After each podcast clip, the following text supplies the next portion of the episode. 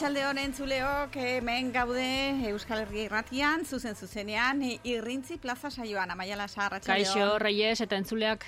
Zer moduz? Ongi, eta zu? Oso ongi, hemen berriro bakarrik estudioan e, josuren falta somatzen dugu, baina, bueno, seguro ja laster osatu eta eta etorriko dela bueltan. Hemen dikanopa diogu noski, ba, alik eta hobeki. Bai, atzerako kontaketa hasi da. Horixe, horixe. Josu laizter zara. Bai, gainera Josu, bakizu, e, oso garai interesgarria datorkigula, orain korrika dugula ja ate joka, Eta hemen izugarrizko saio berezia ari gara prestatzen apirilaren birako.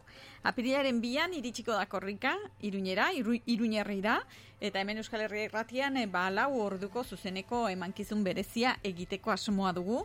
Eta egun horretan, e, beraz, e, lankide guztiak behar ditugu oso oso ongi, eta sasoi honean, hain zuzen ere, ba, aurre egin alizateko emankizun berezi honi. Ez dakite zetokatuko zaigun, e, motoan, estudioan, oinez, korrika, goratzen duzu, amaia, ze gauzak egin izan ditugun e, korrika. Bai, batez ere zuek ni beti hemen estudioan izaten naiz, baina zuek e, gero argazkiak eta ikusten ditut, eta nola ibiltzen zareten, korrika, aldapan, maldangora, ba, ba, bai. motorrean gainean, e, alduzuen moduan kronika pasatzen. Bai, urte batzuetan, euri jasa ederrak e, jasan behar izan ditugu, beste batzuetan, e, ba, eguzkia, jendetza ikaragarria, presa sakatoki batetik bestera, oso divertigarria eta unkigarria da, baina, buah, behar da, ongi prestatu, gero ongi ateratzeko noski, baina horretarako badugu noski aekako e, lagunen e, ba, sostengua eta haiek lagunduko digute, noski hori dena prestatzen,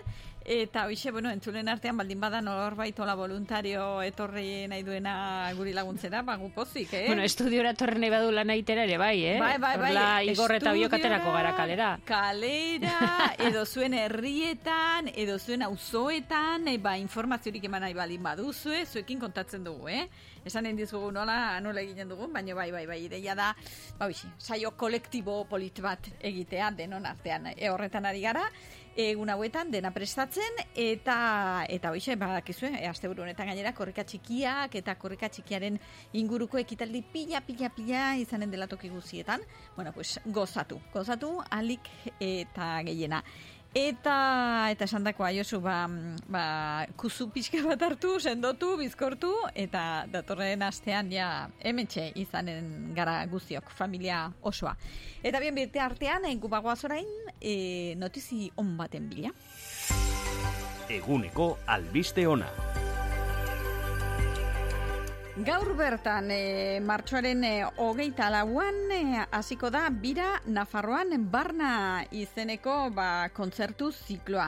E, kultura departamentuak, Nafarroko gobernuko kultur, e, kultura eta kirol departamentuak, e, nik do enpresa publikoaren eskutik, e, bira Nafarroan barna, zikloaren eh, bigarren edizioa sortu eta garatu du. Iaz, e, sortu zenetik e, programak foru komunitateko talde eta artista berriei zuzenean jotzeko aukera ematen die.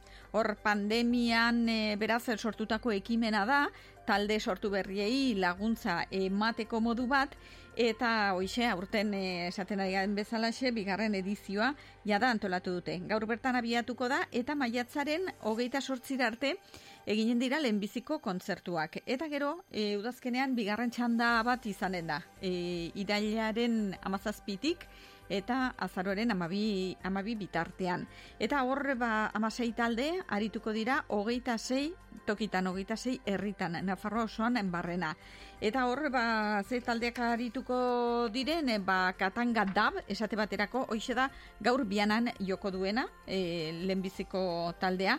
Eta gero, ba, beste talde batzuk, e, Jolis Muñoz, Jo en eh, Swix Knife, Ecstasy, Lilo, Gusi, La Furia, Fria Jane, Delio, Timbacada, Estichu, Edu Band, Bastardix, Exnovios, Eta Bourbon Kings, hori da berena bakizue e, Igor e, gure lankidea, talde honetako kidea dela. Ba, hoixen, Bourbon Kings ere, antxe izanen da, ba, bira honetan. Bira Nafarroan barda, hemendikan aurrera, orain udaberrian, eta gero udazkenean. Etxe autosaltokia edo zein da egokia, sintonizatu ta dientzun, Euskal Herria irratia, Euskal Herria irratia. Dans ces moments-là, je, dans ces moments-là, je ne sais pas, je crois que c'est mine, je crois que mine ne suffit pas. Dans ces moments-là, je, dans ces moments-là, je ne sais pas, je crois que c'est mine, je crois que mine ne suffit pas.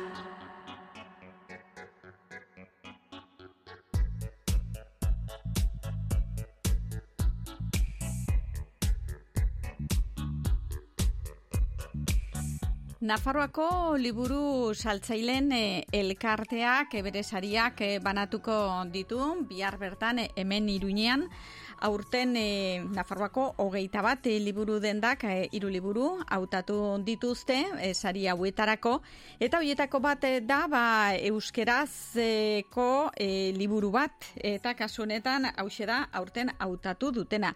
Walden, Henry, David, e, Turok e, idatzitakoa, eta katakrakek e, argitara eman duena orain euskeraz Danele Sarriugarteren itzulpenarekin. Danele dugu telefonoz bestaldean, arratsaldeon Danele zer modu zaude?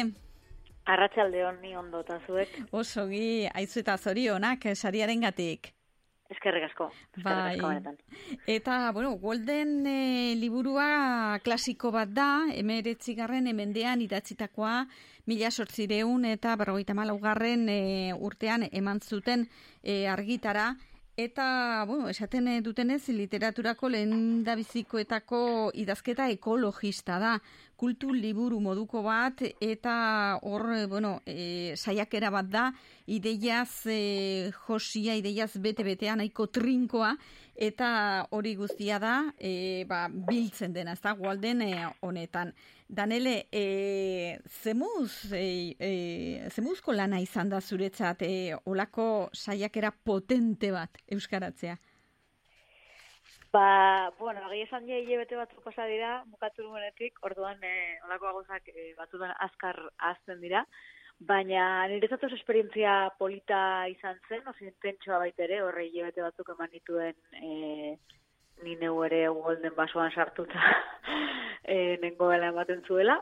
Eta, eta bueno, ba, poza hundia, gozagarria, bere gauza zaiak ere baditu beti, baina, bueno, kompainia ona izan dut baita ere, e, bidean e, lagundu naute korona barroz zentzaiak, bueno, zentzaiak eta zentzaiak, eta Antonio Casado Arrotxak eta noski katakarakeko e, kideek, eta hori esperientzia polita eta orain gainera baitortza da jaso berritan ba, ba pena guztia gazten dira egia esan da. Hoize. Eta bueno, liburu berezia da, eh hola, esperientzia berezi batean e, oinarritutakoa delako hain zuzen ere. Eh hor egilea joan zen zibilizaziotik e, atera zen, nolabait esateagatik eta Walden izeneko eh lakoaren ertzera joan zen bizitzera, handen boraldi luzeska egon zen ezta bi urte edo eta horre ba Mm, ba, izan zituen gogoeta guztiak e, eta e, idatzi egin zituen. Beraz, e, hori nola, nola ikusten duzu alde horretatikan e, interesgarria, ezta? Kontatzen duena.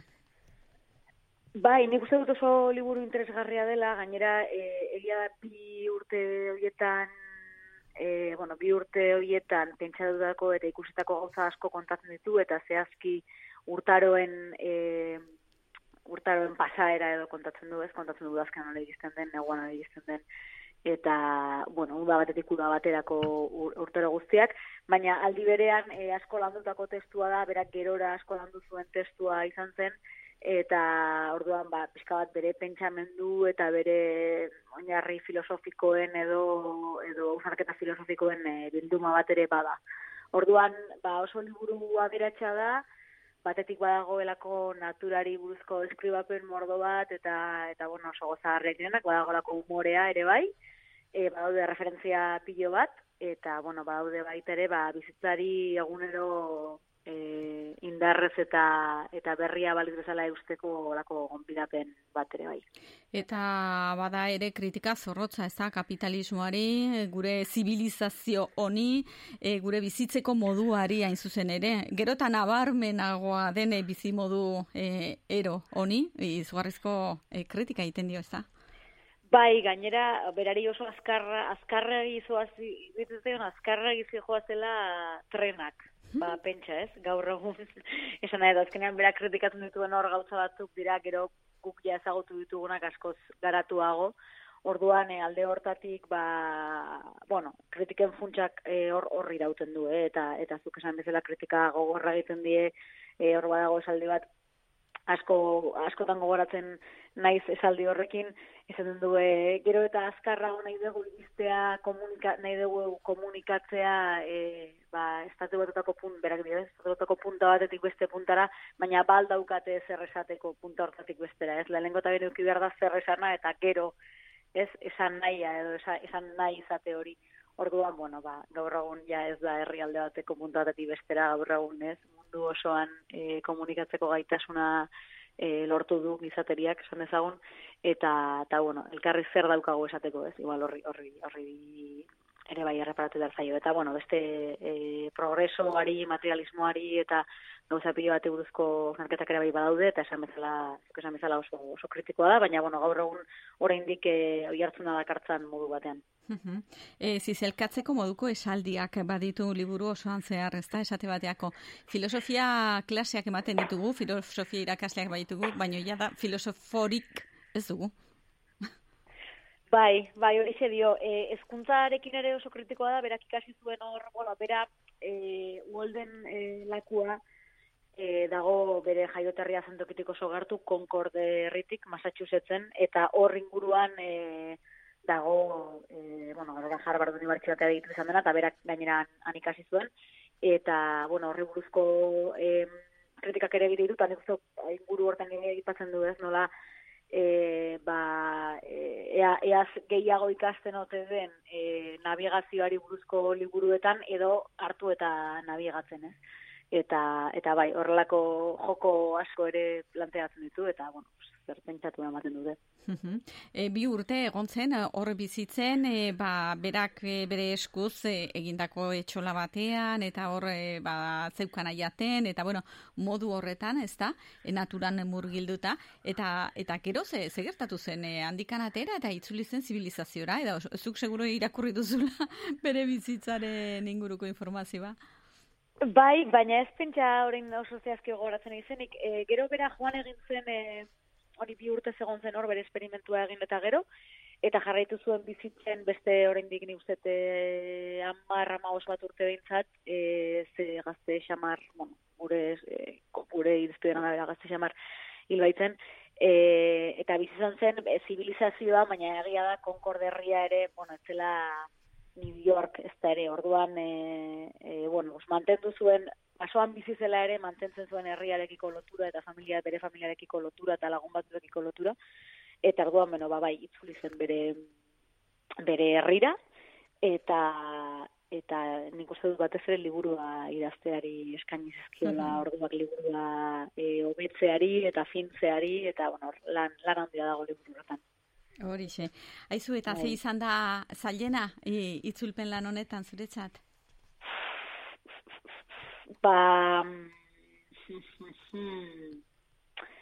bueno, niretzako zaiena edo erronka nagusia zen, gero zakit hori zehazki nola gauzatzen den, baina ba, jakitea oso liburu aztertua izan dela, jendazok aztertu duela, eta hainbat esaldiri buruz e, polemika dagoela zer esan nahi zuen, eta horrekin presio pizka bat emate zidan. Gero esaldi, esaldi, esaldi, esaldi azten zarenean, ba, bueno, ba, esaldi batzuk buru uste gehiago sortzen dutenak, eta iristen zara olako negoziazio batera. Baina, bai, presio pizka bat e, sentitu dut alde horretik. Hori da, eta, bueno, hori ja bestea sartzen da itzultzailearen ofizioan, ez da? E... hori da, hori da, hori da. Esan bezala gainera, orduz geroztekan beste gauza bat okitulu ditut, eta ez dakatorla ez zer adibidez zehatzik, bueno, gero nik egia dan, e, nahi zela oso pertsona, bueno, nire ibilbideagatik eta naturarekin ez duela aina harreman ez duki, gara hortan gainean uste harremana ere ez duagoa zela segundu zetokitan, eta, eta bueno, hori ere bai erronka baltzen da, baina erronka politi bat izan da, eta gainera inguruko jendeari bai galdetu dizkiot gauza, orduan, bueno, hori erronka izan da, baina ez da izan lako gauza e, ezinezkoa edo, edo berezik izaia, baina, bueno, baina, e, interesgarria. Bai. Gero genero kontuari buruz, e, gau, turok e, denbora guzian aipatzen du eta bere gogoetak e, ba, azaltzetakoan esaten du, ba, gizonek e, uste dute gizonak aurkituko du ezakizer, gizonak erabakiko du, alde horretatik anzuk mantendu egin duzu e, estilo hori, ez da, itzeiteko estilo hori. Bai, e, mantendu egin dut, eta gainera momentu batean, e, Antonio Casadorekin e, komentatu duen, bueno, berak esan zidan, agian jende masa jarmezakela edo, eta, bueno, ba, azkenan erabakiak dira, eta nik uste bi erabakiak arrazitu daitezkela, baina, bueno, nik ez nuen eskuratu nahi e, noizkoa zen testua, eta, eta, bueno, men jartzen du, eta ondorez, ba, gizona jarri dut e, gero horri buruzko kritika bat egin date, daiteke noski eta gauza jakina da e, ba, bueno, zelako gizarteetan bizi izan garen eta bizi garen oraindik eta eta bueno, baina niretzako modua edo horri e, modua baizen, bueno, ba, islatzea fidelki zentzu batean e, nola, nola idatzea izan zen liburu hori, eta gero horrezko azterketa bat egin daiteke zone importantzuke esan duzun bezala adibidez. Uh Eta hemen, e, bueno, itzaurrea e, e, idatzi du liburu honetan, eta krakeke argitara emandako liburu honetan, Antonio Casado Darrotxak. E, bera espezialista handia da, ez da, e, turoren filosofian eta turoren e, lanetan? Bai, egin zuen, ari buzko tesia, eta gero e, badu baditu pare bat liburu izango nuke baita ere e, bueno zuzenki turore buruzkoak edo pizka bat horren ingurukoak. Eta bueno ba niretzat laguntza handia izan da bera ondoan edukitzea lasitasun handia eman dit baita ere ba bueno ba holako zalantzak dezkan horlako esaldiekin eta bueno berak ere irakurraldi bat eman zion liburuari ta posibilitatu zen da niretzako dire gai e, ba bueno berme bat edo bazen eta gero gainera oso oso tipo jatorra da orduan ba, ba, ba pozik. Eta eman dio, nik uste dut, e, zaurrean e, berak irakurketa gomendio bat egiten du, nola irakurri liburu lengua tala e, zatikatzea gomendatzen du, eta nik uste dut oso aholku bona dela, ze e, egia da alzaiak eramamitsua dela, baina kapitulo asko oso laburrak dira eta oso guztu irakurtzen dira, badago kapitulo bat soinuei buruzkoa, basoko soinuei buruzkoa, badago beste liburu, beste kapitulo bat, e, neguko animaliei buruzkoa eta superpolitak dira eta irakurtzen dira oso erraiz, baina lehenko kapitulua da e, oso trinkoa, basoan sartu eta adarrak batetik eta bestetik apartatu beharrean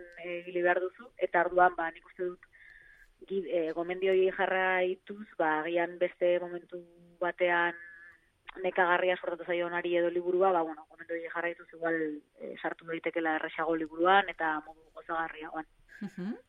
Aizu danele, eta hau dena itzuli ondoren, eh, gogorik eman aldizu ezakizuka antzeko zerbait egiteko zerrakin nik, aliozko urtegira joan, eta etxola bat egin, eta bizi, edo olako zerbait? Bai, esan da, e, nire ni donosti bizi naiz, eta oso guztua bizi naiz bizi naiz tokian, orain bertan gainera e, guzkia, guzkia sartzen da, iluntza ikusten dut, ulia ikusten dut etxetik eta itxasoa erean urrunean, eta eta pozik. Baina noizean behin norbere testu murutik ateratzea eta beste norabait joatea e, oso, oso eskertzekoa den arren, bestela ere nahiko bizimu bakartia eukitzen dut lanean, eta eta jende zinguratua nahiago. Bai, bai, bai, bueno. Bizi... Oraintxe, ez dakit agian beste momentoren baten, baina... Bizimodu, bizimodu bakartia eta lanbide gogorra, ze hau dena itzultzea, hemen ikusten ari gara, hori irureun da, iruro emezortzi horri alde denera, e, eta, eta hoxe esan bezala, aristean aipatugun bezala xe, ez da, nahiko matrinkoa da, ez da, idiez beteriko e, saiakera, baino egia san oso gustura irakurtzen dena. Poliki poliki hori bai betekadarik ez hartzeko eta dena ongi lixeritzeko, e, baino hortxe dago oso aukera ederra eta mm, liburu klasiko bat orain euskeraz irakurtzeko aukera, ba zuei esker e, Danele Sarrigarte e, itzultzailea eta katakrakea katakrak argitaletxeari esker noski. Aizu Danele, ba bihar sari banaketa hemen izanen zara Iruñean? Bai, bai, bai, bihar bano uh Iruñera. E, gogo ondiz, eta gero arratsaldean ezin du ezin dut egon eta Antonio arituko da mai inguruan hizketan liburuari buruz baina, bueno, bihar ospakizun eguna denontzat, eta e, ez duke aipatu gabe final koronabarro, ezak eta aipatu dudan lehen eskelkarraz, bai. baina goi aipatu dut bale, bale, bai, bai, bai. aipatu pagaratu da. oso, bai. Primeran ba, Danele, sarri bai. benetan eskerrik asko gurean izategatik, eta berriro zorionak lan eder honengatik. Bil esker? Ni esker, rei, ondo segi. Agur. Agur. Eta zatitxo bat, noski irakurriko dugu, nola ez? Neure baitan aurkitzen eh, nuen eta aurkitzen dut oraindik bizitza goragoko baterako joera edo jendeak esaten dion moduan bizitza espiritual baterakoa. Gizon gehienei gertatzen zaien moduan bestalde. Eta beste joera bat berriz maila primitibo edo salbaiarekikoa. Eta bibiak gurtzen ditut neurri berean maite ditut basatia eta ona. Arrantzak dakartzan basatasuna eta abentura egokiak dira oraindik ere niretzat. Batzuetan gogoko dut bioinak finkatzea bizitzan eta animalien erara igarotzea eguna.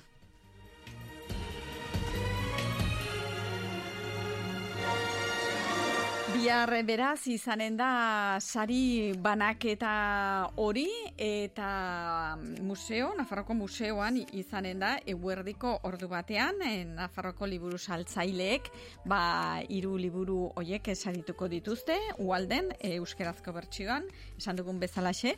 Gero azukre izeneko eleberria Bibiana Kandia e, egile Galiziarrak egindakoa gaztelaniazko e, kategorian. Eta gero ba liburu ilustratuaren e, kategorian e, ba espedizioak eta eta bidaiari handien inguruko liburu zoragarri bat egile argentinar batzuk egin dutena izugarri polita. Ba hiru liburu hoiek beraz e, sarituak gomendatuak nolabait liburu saltzailek e, gomendatuak guk guziok irakurtzeko. Sari banaketa ordu batean Nafarroko museo museoan, eta gero arratsaldean zazpietan, izanen da toki berean, Nafarroko museoan, e, main guru bat e, irekia e, zabalik jende guziaren zako, eta horre ba egonen dira, e, Antonio Casado Darrocha, Bibiana Kandia idazlea, eta gero ba beste liburuaren e, argi, e, argitara eman duten etxeko ba ordezkari batzuk. Hori guzia eta liburu saltzaileak, noski. Hortxe guztia beraz, e, bihar Nafarroko Museoan.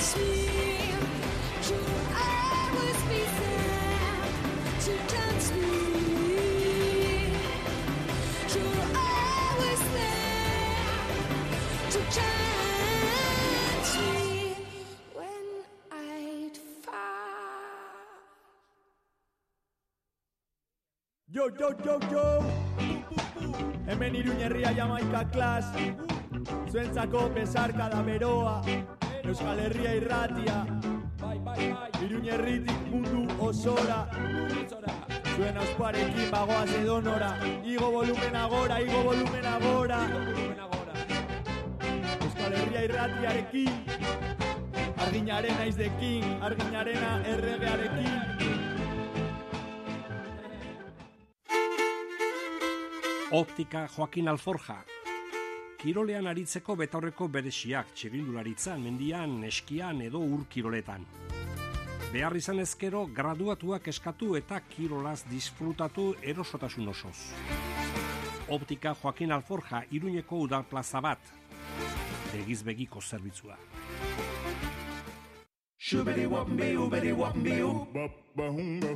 Sukaldean sartzen zaren bakoitzean laro gehigarren amarkadara itzultzen zara? Sukaldeko distribuzioa deserosoa egiten zaizu? Bisagrak eta tiraderak gaizki dabiltza? Sukaldea zarberritzeko garaia iritsi bada, kozinas larrarekin noski. Neurrira diseinatutako sukaldeak sojoa sukaldeen banatzaile ofizialak gara. Mutiloako industrialdean eta kozinaslarra.comen aurkituko gaituzu. Badakizu kozinas larra eta sojoarekin zure ametxetako sukaldea.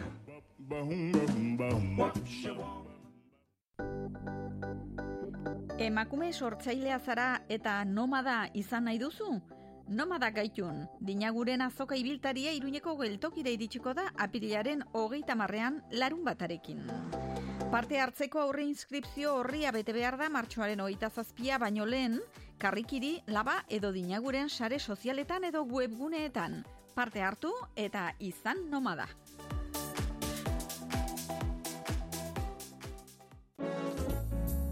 Martxoa koltsoiaren hilabetea. Aprobetxatu koltsoneria gorritxoren eskaintza. Produkturik aurreratuenak eta markarik onenak. Ongi atxeden hartu energiaz beteri jeki eta bizitzaz gozatu. Koltsoneria gorritxo tafalla hogeita zeibiz, tuterako Benjamin Zortzi eta urdazubi monasterioa berrogeita bat. Koltsoneria gorritxo. Bizi atxedena. Colchonería gorrito, vive el descanso. Irurteren ondoren bueltan da Doktor Deseo maketoen iraultzarekin. Martxoaren hogeita zeian tote maretoan izango da Francis bere taldearekin ez galdu aukera. Sarrerak salgai salatoten.comen. Iluntzero argia. Embutidos Arrieta. Basur de toren chorizoa, txistorra odolkia tripotxa zuria, artixaua gara. Embutidos Arrieta. Bilatu zure denda edo supermerkatuan. Embutidosarrieta.com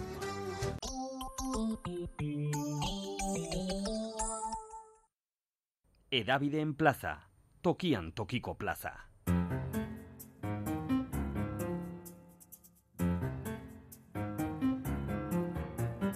Ostegunero bezala, tokian eh, tokiko kronika hartuko dugu eh, hor ultzamatez, eh, odieta imotz, eh, lantz, eh, eskualde zabal horretatik. Hortxe aritzen baita esan erran irratia eta inat- irrati honetan eh, jotakelanean itziar perez.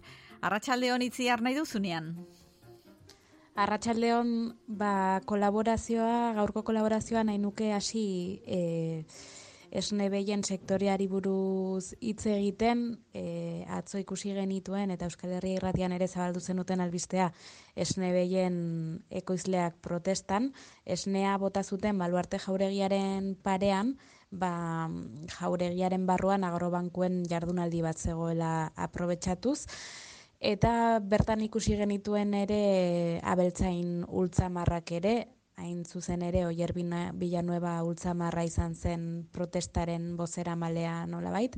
Eta berak azaldu zuenez, ba, esnearengatik ordaitzen dioten dieten diru gutxiaren eta pentsuaren garestitzearen ondorioz, e, urrengo hilabeterako aurreikuspenak dramatikoak e, dira sektorearen dako, ez?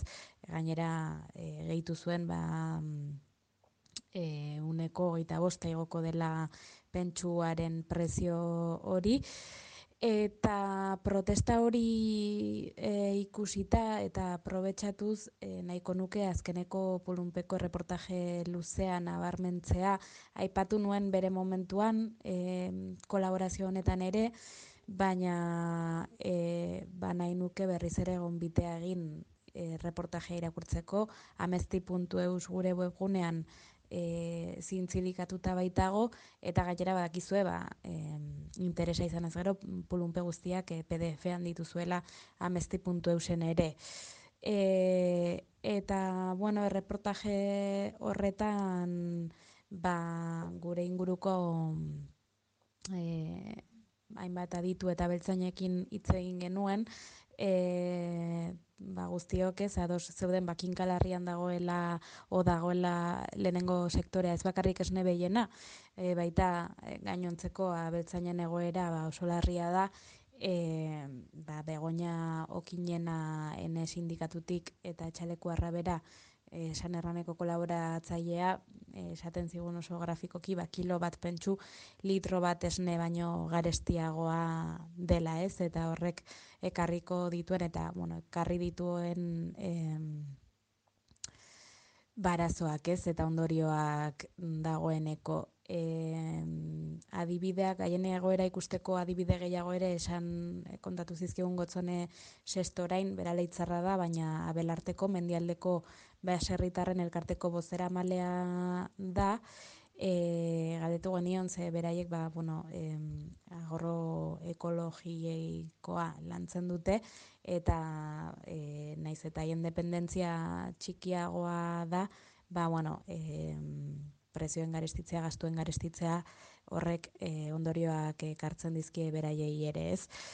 Eta ba, hori berak esaten zigunez, transgenikorik gabeko pentsua erabiltzen dutela, eta joan den urtean hogeita sortzi zentimo ordaintzen baldin bazuten, aurten hogeita emezortzi zentimo ordaintzen dute pentsu horrengatik, eta esan dugu ez dela bakarrik esne behien edo e, bueno, gotzoneren, gotzones estorainen kasuan e, gazta ekoizten du berak, e, ardiak ditu, baina gainontzeko e, abeltzainen egoera ere larria da. Ba, berak esaten zigun bezala, oio erruleen kasuan e, berrogeita masei zentimo ordaintzetik, irurogeita mabi ordaintzera pasatu dira e, pentsu horrengatik. Beraz, baina e, imaginatu ez, berak esaten zigun, marginak geroz eta txikiagoak dira, eta lehen txikiak baldin baziren orain, baskoz ere txikiagoak e, eskualdeko abeltzainekin ere hitz egin genuen, adibidez e, maitane arbilarekin, e, bera kaizparekin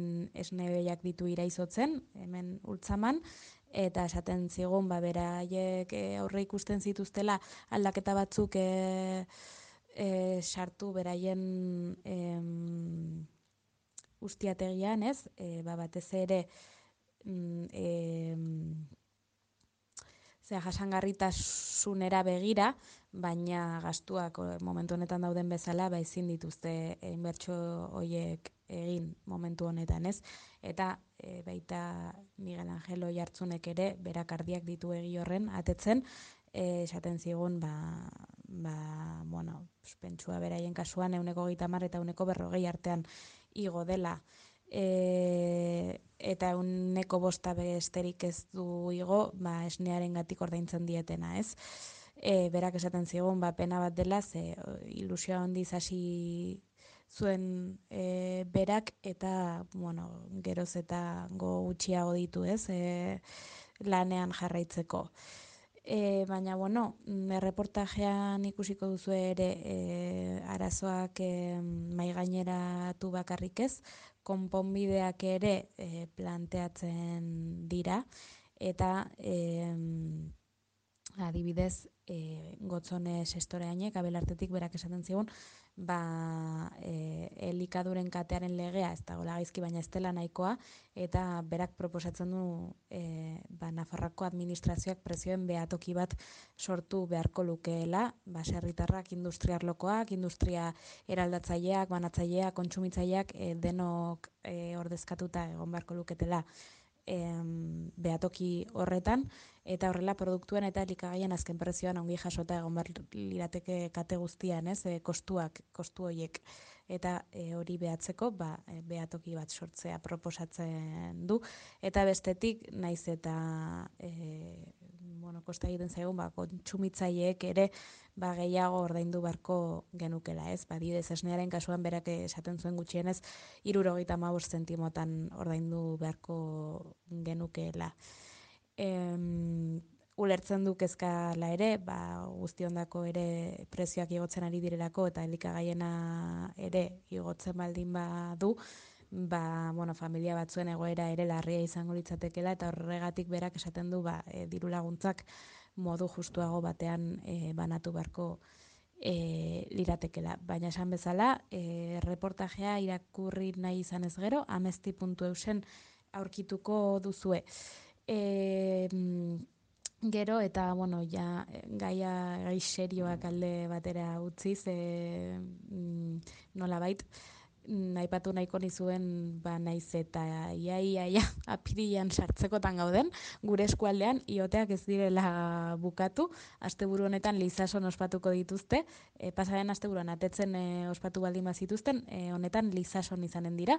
Arratsaldean etxez etxe joanen dira musikarekin afari herrikoia ginen dute gero eta festa frontoian beraz ba bueno hemendik gertu baldin bazabiltzate e, hor baduzue plan polita em, kulturan nahi nuke nabarmendu e, ostiralean e, izaren dugun itzordu bat, e, bertan beltxaren taldearen kontzertua izanen da, eta, e, bueno, ostiralean bihar, arratsaldeko zazpietan, larraintzarko bentan, baina e, kontzertu berezia izanen da, ze mm, musikaren bidez, kanten bidez kontatuko digute gertaera historiko bat, mila irureunda hogeita bat garren urtean gertatutakoa, beotibarko batai, ez dugu gudua zari gara, gizpuzkoarren eta nafarroen arteko gudua, orduan gipuzkoa e, gaztelako erresumak okupatuta zegoen, eta e, Xabier Iru, jota larraitzariz nabarreta historialariek egindako ikerketen ondorioz, bai estatu zuten, ba, gaztelako kronikek,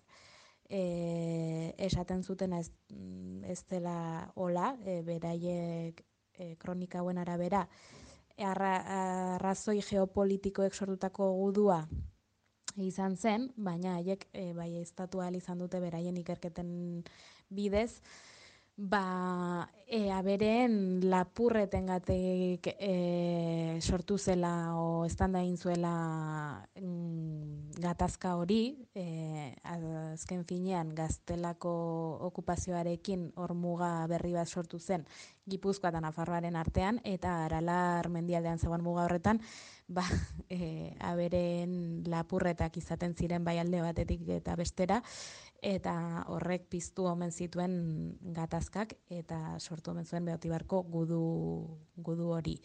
Eta mm, gertara historiko hori hobe ezagutzeko, ba esan dizuedan bezala, beltxaren taldeak e, kaleratu zuen pasaden urtean, bazazpire ungarren urte muga horretan, e, diska bat mm, gertara historiko hori kontatuz musikaren bitartez eta kontzertua eskainiko digute esan dugun bezala larraintzarren bihar em, arratsaldeko zazpietan.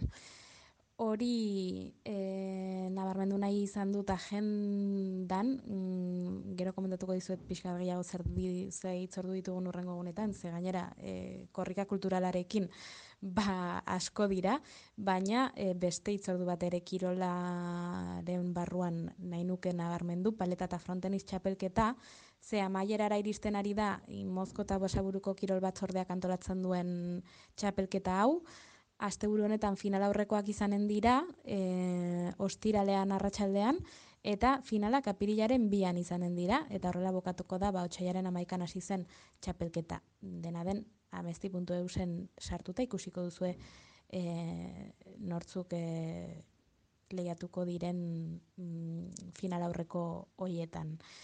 Eta agendan, e, aipatu ditudan eta zaparte, mm, itzordu gehiago ditugu, ostiralean, arratsaldeko zazpietan eta kasu honetan notzi barko elkartean odietan, bertso saioa izanen da, e, aurretik zazpietan horrendako bertso saioa bertso tailerra izanen da eta gero sortzietan sagardo dastaketa eta bertso saioa esan dugu bezala aitor mendiluze eta unai agirre bertsolariekin batera e, larun batean bertso bermuta, beraz oso e, asteburu bertsozalea gelditu zaigu, hau, aizarozko estatuan izanen da larun batean erdietan, eta bertan izanen dira mintxo astiz, idoia granizo, endika legarra, eta saatxa aleman. Eta gai jartzaia, aitorra nangoa izanen da beruetekoa. Em, gero, antzerkia izanen da luze edo motz apestegi berriko ganbaran gaueko bederatzietan, eta igandean duotxo, e, duotxoren kontzertua amabiterdietan etxalekuko plazan imotzen, e, duotxo Euskal Herriko, Oksitaniako, Kebekeko, Galiziako eta Brasileko soinu eta musikak eskeniko dizkigute. Eta igandean, baina arratsaldean bostetan, amonaren kearen em, tailerra eta ipuin kontalaria Dani Martirena eta Ana Ibainez egileekin batera, eta ondoren gainera txokolata da. Hau arratsaldeko bostetan igandean. E, oiek guztiak e, korrika kulturalari lotutak noski. Eta e, itzordu gehiago dira, baina luzatzen ari naizenez, e, ba, esan dakoa, amesti puntu esan badituzue guztiak, ze esan dizuet, korrika kulturala abian da, ja, motorrak berotzen ari gara korrikari, hogeita bigarren korrikara e, begira eta ba, agenda oso zabala dugu gure eskualdean. Eta hori mi esker eta urren goztegunera arte. Irrintzi plaza, Euskal Herria irratian.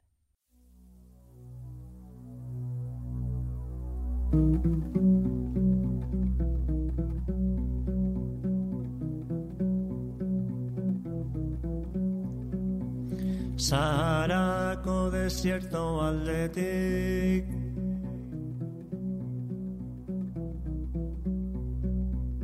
Atlantiar itxaso aldera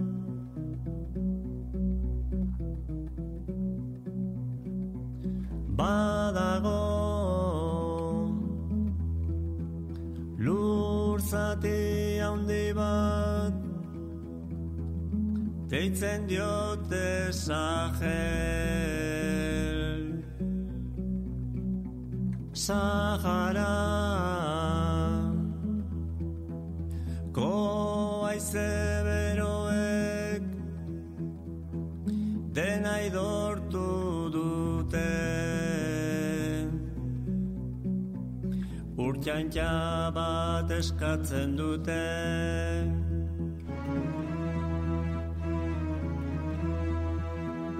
Artoa hunditzeko behar duten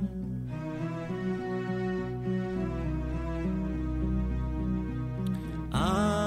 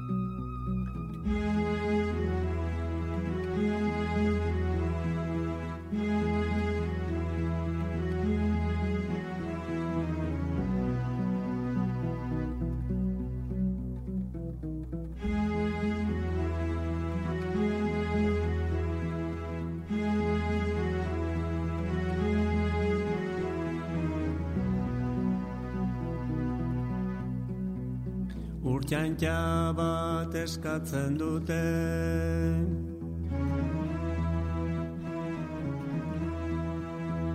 Artoa hunditzeko behar dute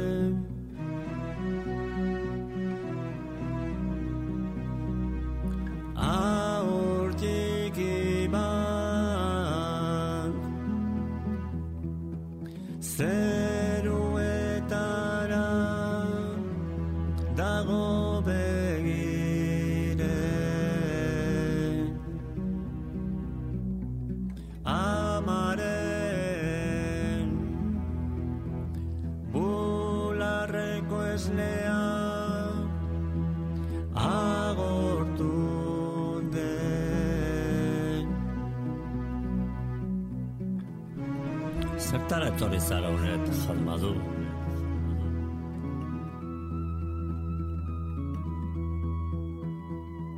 Ni etorri naiz bisita itzultzera.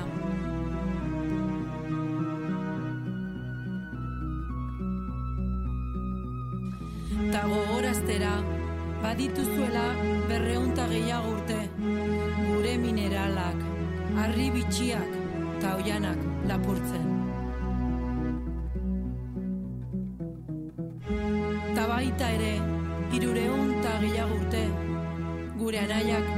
Esklabo ekartzen zenituztela. Euskal Herri irratian, irrintzi plaza. Ain't got no home, ain't got no shoes, ain't got no money, ain't got no class, Sei minutu besterik etzaigu gelditzen arratsaldeko bostetarako, baino joan baino lehen eh, aipatu nahi dugu, heldu den igande honetan eh, Atarrabiako kulturetxean izanen den antzerki lana. Arri minak izenekoa, bonbon beltz eh, taldeak ekarriko diguna. Zuberoatik hain zuzen ere ekarriko digute eh, lan hau. Eta horre ba, testuaren egilea eta aktore lanetan ere txikika arrekalt. Arratxaldeon txikika, zer moduz? Ba, zuri ere, ba, ondo, pixkat eh, despistatu nahi zegu geneukan hitzorduarekin, baina hor nago, hor nago. Oso, gi, bai, bai, bai. E, konta iguzu, arriminak e, izeneko lan hau prestatu duzue mm, geuretik sortuak e, ekimenaren baitan, ez da? E, hor Hori da. udalbiltzak e, lehenbiziko aldiz antolatu e, du de, e, beka deialdi hau, hain zuzen ere, e, euskerazko e, sorkuntzak eta bultzatzeko, sortzeko, eta gero bultzatzeko eta herri herri eramateko. E, zuek horrela sortu duzue, ez da, antzerki obra hau, konta iguzu, nolakoa izan da prozesua? Bueno, ba, zuk eh, zenion bezala, beraz, udalbiltzak eh, plantan jarri duen ekimen bat zen eh, COVID garaian denak lo zeudela eta pixkat animo pisteko eta ahalak ebai eskentzeko lotan zegon kultur munduari.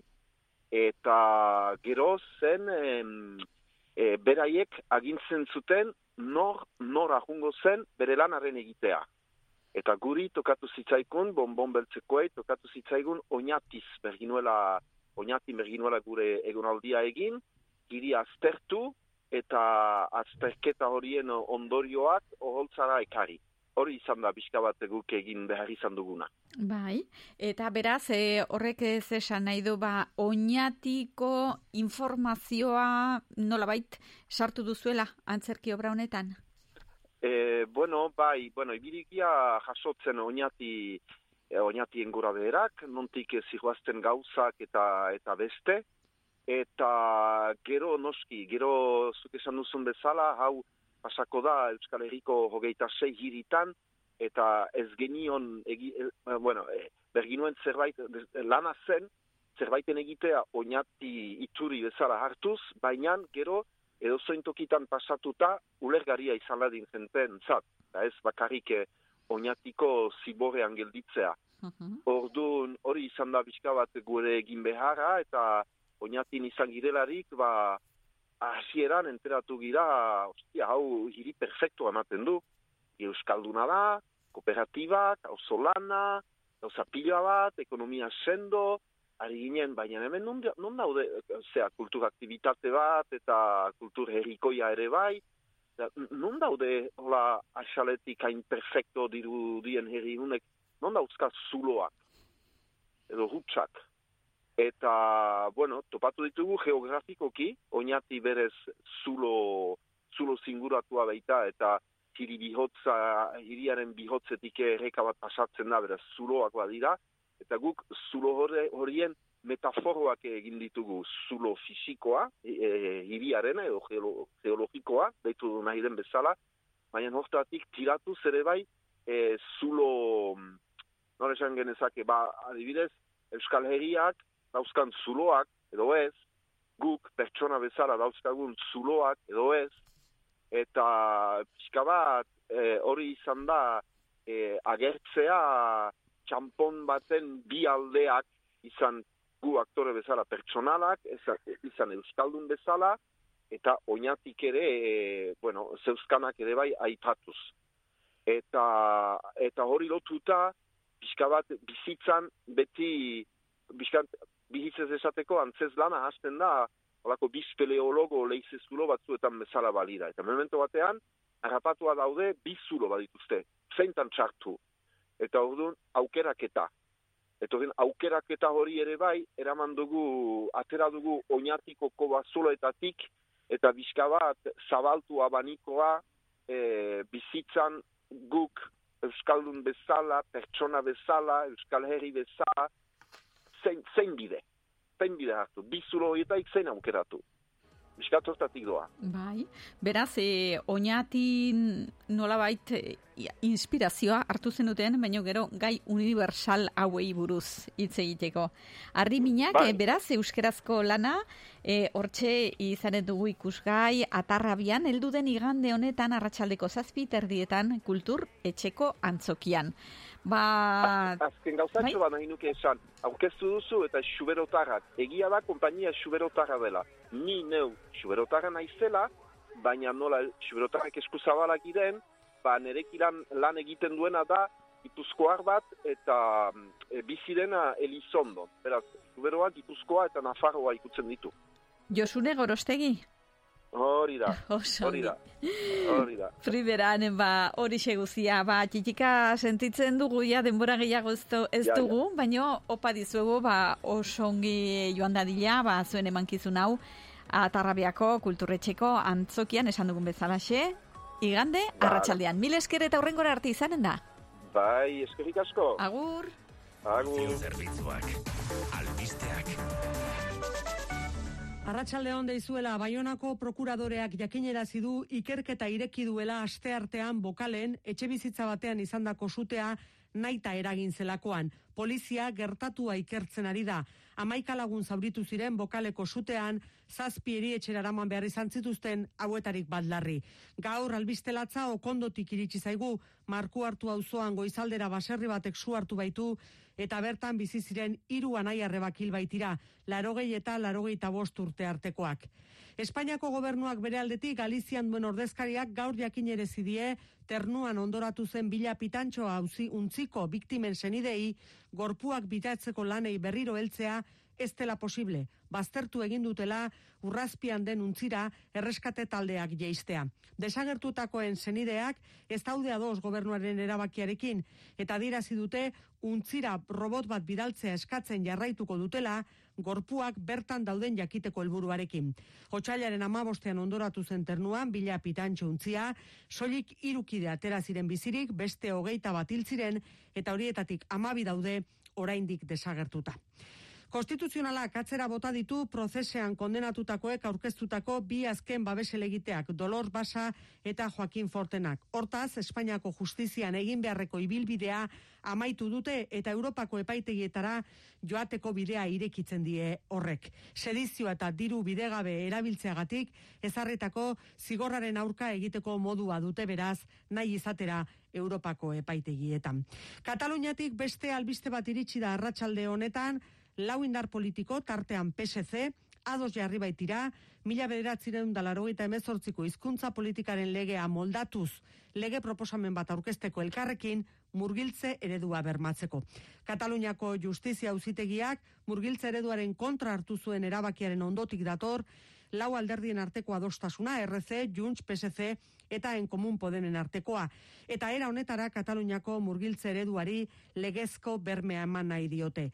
Proposatuko duten edo egiten duten lege proposamenaren bitartez, bateragarri bihurtu nahi dute ikastetxeetan katalana transmisio hizkuntza izatea eta aldi berean gaztelerari klase orduetan tokia egitea.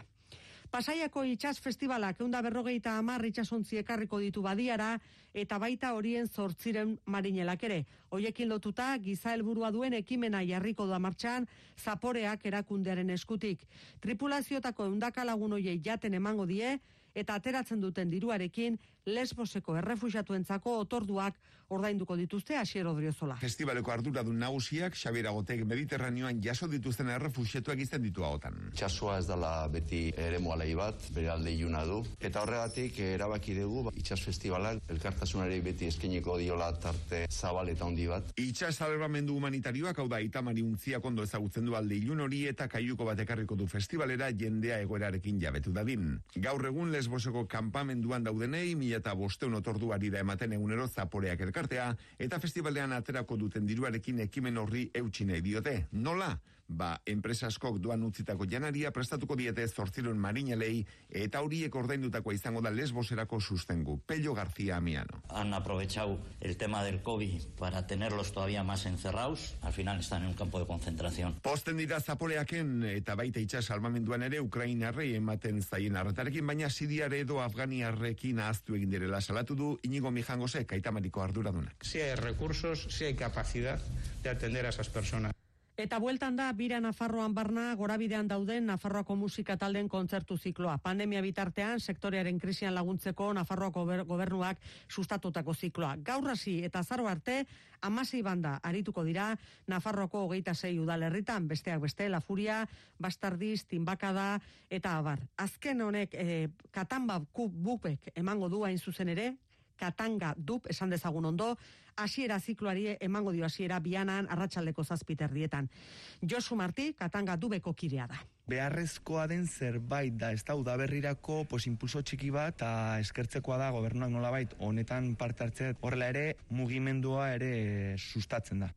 Eguraldiari dagokionez, giroa moteltzera joko du, akaso tantaren bat ere bota dezake barnekaldean eguna amaitzerako, eta bi alderantziz eguna lainotutasi eta arratsaldean argitzera egingo du. Errepidetan, ez da aparteko goraberarik ordu honetan. Arratsaldeko bostak eta bost minutu, seietan albiste gehiago, eta bitarte honetan informazio eskura, badakizue nahi izatera, eitb.eu satarian duzuela. Gero arte. EITB. Komunikazio taldea. Euskal Herria irratia.eus. Iruñerria entzun, ikusi, gozatu. Guazen denok, eman bide Euskal Herria irratiare! Euskal Herria irratia Inkestagileek galdetzen badizute, esan ozenki Euskal Herria irratia entzuten dut eta arronago. Egin dezazun bidea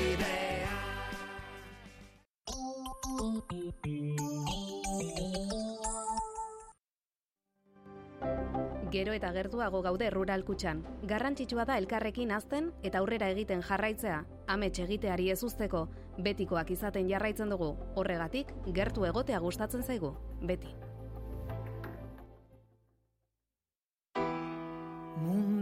Karrikirik hogeita bost urte, maiatzaren zazpian larun bata arratsaldeko zortzietan, baluarteko kamara aretoan, anari. Sarrerak, irubebikoitz, baluarte.comen. Agendari buruzko informazio guztia, irubebikoitz, karrikiri.eusatarian. Antzokia kulturelkartea, Iruñeko udala, Nafarroako gobernua eta Eusko jaurlaritzaren laguntzarekin. Karrikiri, Iruñeko Euskaldunon topagunea, Xavier Karrikalau.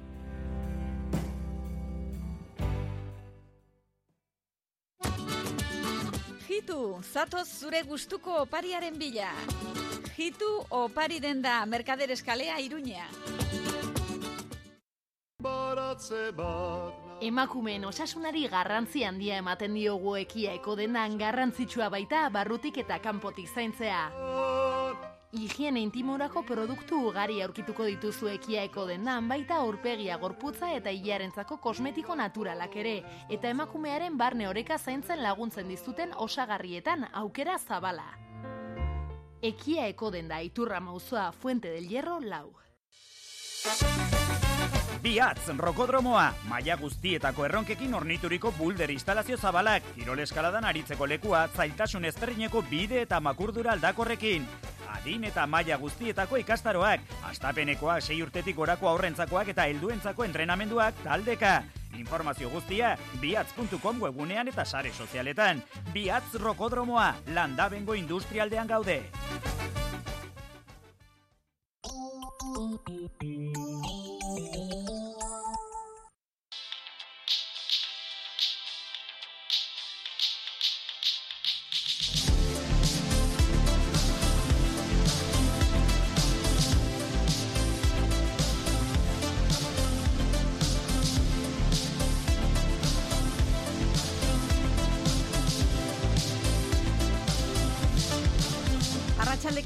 Eta zortzi minutu hemen jarraitzen dugu gure irrintzi plaza saio honetan eta hemen ba, plazako gure banku honetan ba, aldamenean eseri zaiguna Pello Iturria botikaria. Arratsaldeon zer modu zaude, Pello?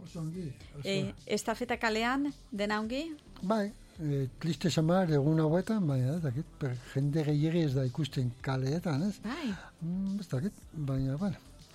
E, Gi- giroa- giroa dago pixkat, eh, ez makal. dakit, bai, makal, ez dakit jendea etxean geratzen den, edo hala izango da, ez? Bai, Ba, oro har, nahiko eh, giro tristea dago, ez? Nahi, eh, dena covid dena de la guerra, de la, de la sea, prezioen Bai, bai, igoera, bai, bai, bai. de la istiluk, ba, ba, bueno, pasatuko da. Bai, eta eta gripea gainera, gripe, kasu pila bai, dago, ez da? Gripea, bai, ba, gripea badago, bai.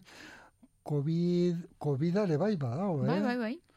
Covida eh, e- egunero daitzen dugu, ez daki zen, ez da, auzo, auzokoa ba, hartu du Covida.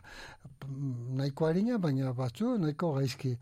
Eta ku- kutsatzen da baita ere. Bai. Eta ja, astelenetik aurrera ja... Astelenetik aurrera... Begira, ja, konfinamendurik gabe eta ezer gabe, Bai. Kutsaketa gehiago. Nik uste dut gehiez, ba, mm, eh, mm, ospitalek markatzen dutela egoera, ez? Nik uste dut, ospitaletan mm, nahiko lasai ba- baldin baude, edo gutxienez, e, e, gainezka ez baldin baude, ba, ba, gauza no, normal e, e, pasatzen dira, eta nik uste dut, astelenetik aurrera e, e, neurriak edo mm, e, e, lasaituko dira, baina nik uste dut batez ere ospitalen egoeragatik izango dela, ez? Hala da, bai, bai, bai. Ja musukoa agian ja kenduko dute, ez da? bai. E, barnea aldean, e, Bai. musukoa erabiltzeko beharra kendu Iparraldean dute. era, ja, kendu Mhm. zuten, Eta gero, ba, konfinamendurik ez, e, beharrezkoa ez bada. E, hau da, ba, gaizki baldin bazaude, noski medikoak baja emanen dizu, baina ongi baldin bazaude sintomari gabe, ba, sei lanera, ikastera, edo dena oker ez banago, iparraldean ere ja, Mhm. ba, ba, e, barrun, e, ja ez dago behar, ez, e, maskararik.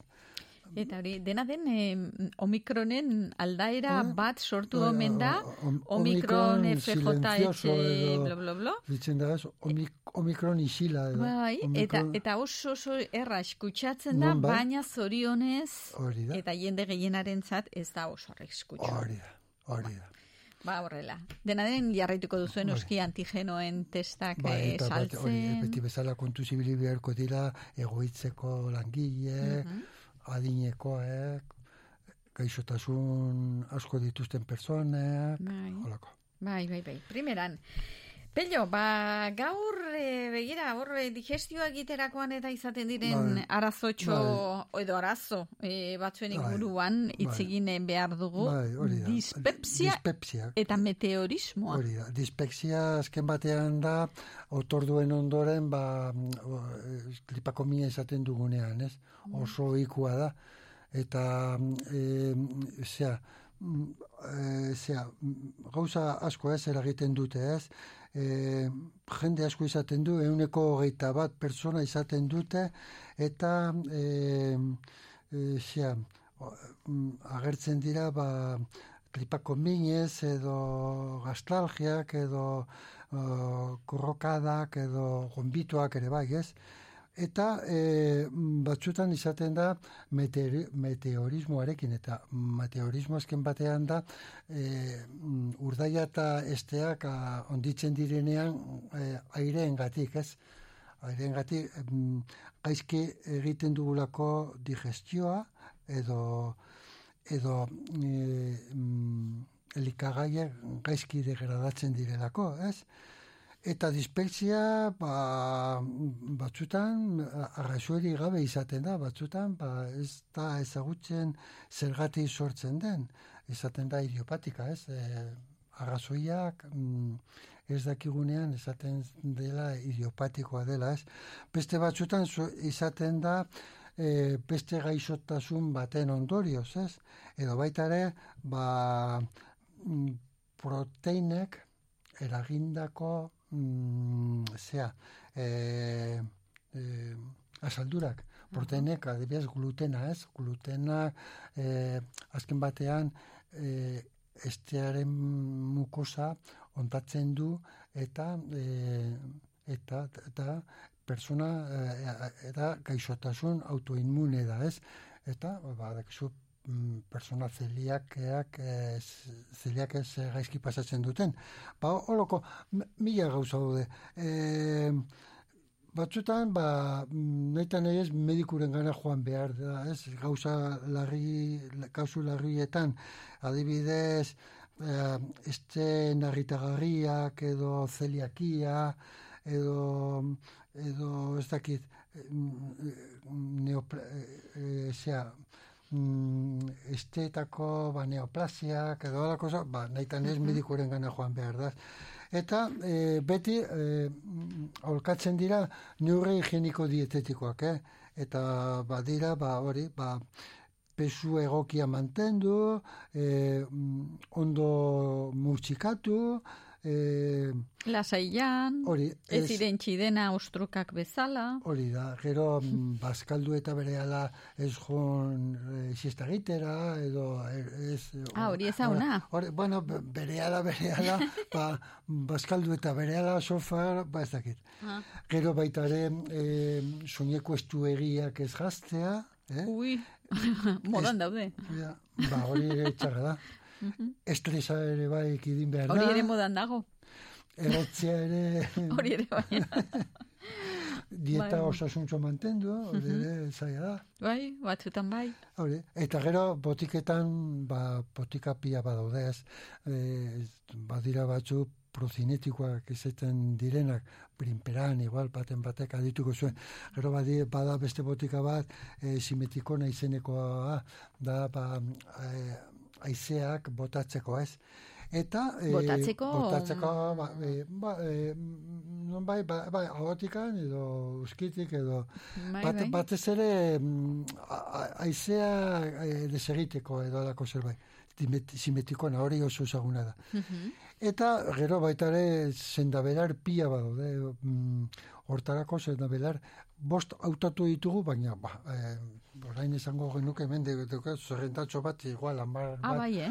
ba, pila bada, ka- kamamila, ereinotza, e, fumaria, e, mm, oreganoa, pia, pia. Eta e, bost aipatuko ditugu, Primera. bat eta jengibrea, jengibrea mm, da Indiako eta Asiako landarea, erabiltzen da errizoma, oso landare gogorra, e, baita ere e, sukaldarintzen erabiltzen da, e, elikagaiak aromatizatzeko, e, baina e, orain mundu guztian landatzen da, e, India izaten da ekoizpen handiena eta mm, aspalditikan erabiltzen da badakizu e, zurabio e, bidaiatzen garenean bidaiatzen dugunean izaten dugun zurabiok edo gonbito Ah, bai. hortarako erabiltzen da eta baita ere emakumea urdunentzako beti ere e, medikuak aginduta ez jengibrea, bai? E, Bai, bai, hori, bai, ba, bai. aspalditikan ezagutzen dela, hori. Eta honetarako ere, beraz, e, aizetarako tabla, ba, ona da, e, eta nola hartu behar da Hori, infusioa? eh, ez edo- kapsula, kapsuletan Kapsulak. saltzen da. Azken batean da errizoma, eh, errizoma badakizu da, eh, zurtoina, eh, lur azpian dagoen zurtaina, ez?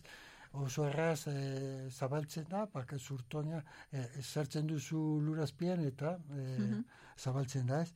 Eh, hori da, eh, hartze, hartzen da kapsuletan, ume, ba, zei urtetik aurrera ere bai, hartu alda, batez ere, esaten dizu, ba, zinetosien gatik, bari, bidaien gatik, Mhm. e, txurabiatzen garenean, ez?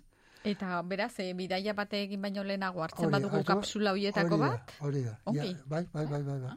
Primeran biodramina baino bea da. Bai, eta emakume aurdun batzu, badakizu askotan izaten bai. da, bur, eh, boloko, eh, boloko gombito edo goragalek eta Mhm. loko gauza, ba, ho- hortarako da, baita ere, aurkatzen da, baina beti ere kontu zen. Badakizu, emakume urdunek eta aurrek, ba, Ja, e- e- eh, gauza gauza kontuz hartu hartu. behar Mhm. dutela. Eh? Beste, beste bat, ba, astalik erdua, ez? Hori, ba, hori bai, gure baratzetan, bide bart, ba, bazterretan azaltzen da, ez? E, Cardo Mariano erdaraz, ez? Oso landare gogorra, ez? Eta ja, hori baita ere, mm, duela bi mila urte ja erabiltzen zen, ba, e, gaixotasun hepatikoei aurre egiteko, eh? eta e, hori frogatuta dago, baita ere, ba, e, zea, digestioa erazoei aurre egiteko, e, era- erabiltzen, de, erabiltzen dela, ez? E, baita ere, Mediterraneoko Mediterraneo itxasertzeko herrialdeetan, du sorburua, Asian ere bai, eta e, mm, e, kasu honetan erabiltzen dela fruitua, ez? Fruitua mm, azaltzen da oso landare e, esaten dizut oso gogorra dela e, muturrian sortzen dira loreak eta praktia oso erpin punta zorrotza dituztela e, mm, da moreak dira loreak eta e, k- kasu honetan e, fruitua eta baita ere hartu aldela kapsuletan.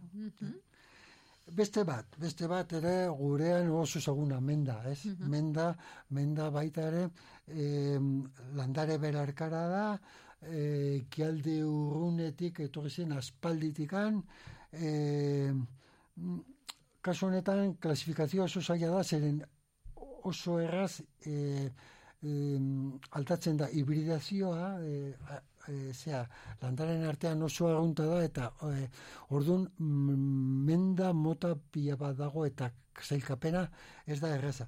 Eta baita ere, ba, e, erabiltzen da, ba, dispeksiari aurre egiteko, baita ere gastritisari aurre egiteko, beste gauzen artean, ez?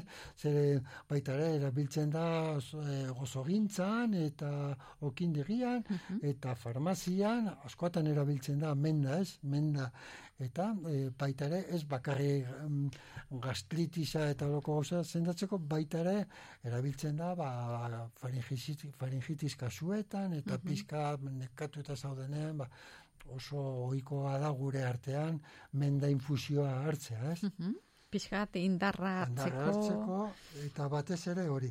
Eta kasu honetan e, aurrentzako kontraindikatuta dago e, e, bi urtetik berakoentza zeren laringen laringen e, espasmoa sortu aldela Mhm. eta hori baita ere mm, mm, hori ba prospektuetan eta jarriko du kontraindikatuta dagoela. Mhm, Beste, primeran. beste bat, Sor, e, orburua, alkatxofa, hori ere bai, Aha. kasu honetan ostoak erabiltzen dira, ez? Mm, bueno, elikagai zoragarria da, baina e, orburuen ostoak baita ere, ba, digestio arazoak eta holoko betetasun sensazioa eta ere, eta flatulantziei aurre egiteko erabiltzen da. Ostoak, eh? Mm, ba, mm, elika, elikagai bezala oso ona da, hori eh, hemen Nafarroan pila bat dugu, erriberan oso osoa. Bueno, eta orain Eh, bete-betean, ez? Garaian gaude, bai, martxoa pirilean. oso landare Oso go- gogorra ere bai, e, baita ere erabiltzen da e, esaten dute ez, kolesterola geisten dela baita ere eta glukosa ere bai geisten dela. Zergatik geisten den kolesterola? Ba, non bai, estetatik e, zurgatzea ez duela usten eta bar, ez? Mhm.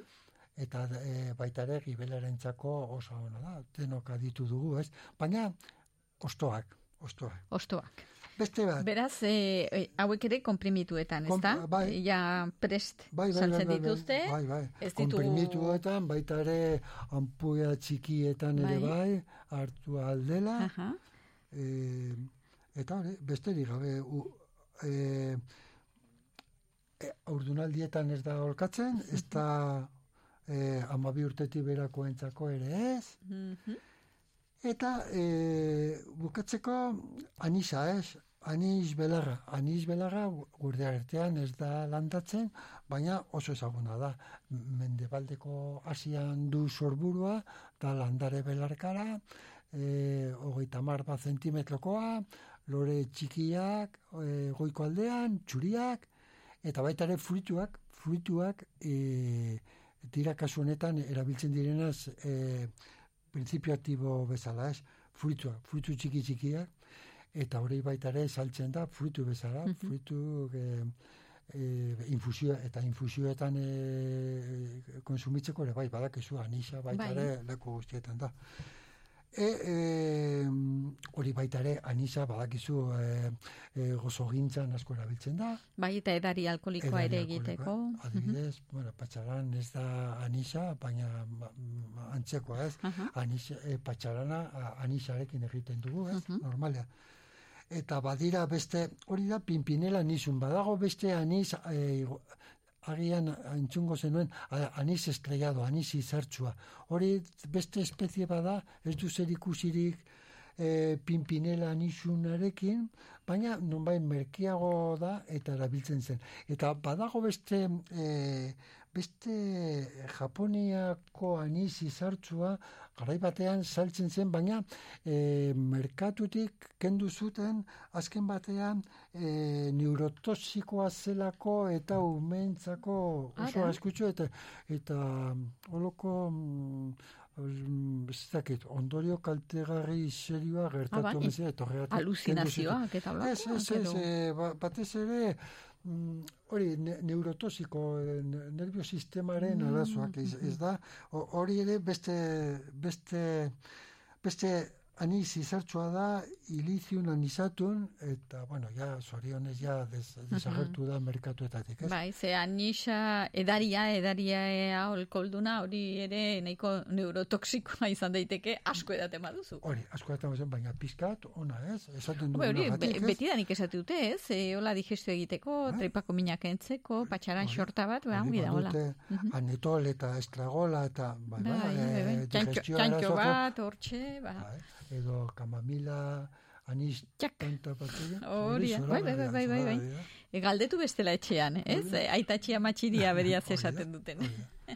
Eta esaten de, ba, zu, eh, mm, ikusten bozu da, ez, eh, zendabelar liburu batera joaten bazara, hor, mm, nik uste dut, eh, gure artean batez ere, zendabilar pila bat dago, ba, eh, gastritisari, da digestio ondo egiteko, hor pila bat daude, ez, esan dugun bezala.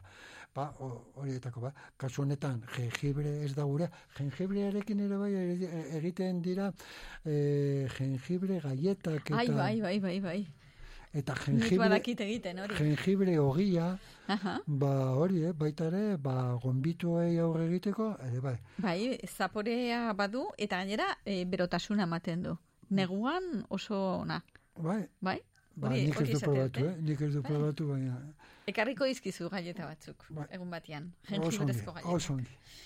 Hori guzia, beraz, e, jengibrea, e, bestea zen, e, nola esan duzu, euskeraz e, izena, Cardo hasta- Mariano? Astalikardua, Astalikardua, menda, menda, orburua, eta, eta anis Hoiek dira, ba, hain zuzen Oh. ere, digestioak ongi egiteko, Hori. eta gero, ba, e, Beste- ekiditzeko, ba, aizena arazoak, eta horren desatseginak Beste askoren artean, hori da. Hori da.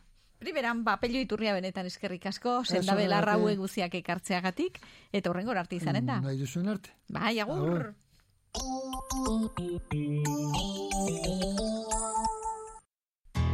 Kirola egitea gustuko duzu? Itxaso karabanak zuretzako diseinatutako kanperrak. Mugarik gabe bidaiatu nahi duzu? Zuretzat diseinatutako autokarabanak eta karabanak. Bidaiatzeko orduan erosotasuna bilatzen baduzu, itxaso karabanak. Eskirozko bigarren eskualde industrialdean, iruñetik bost kilometrora. Hogeita mar urte baino gehiago, bizi eta bizi modu honetaz gozatzen.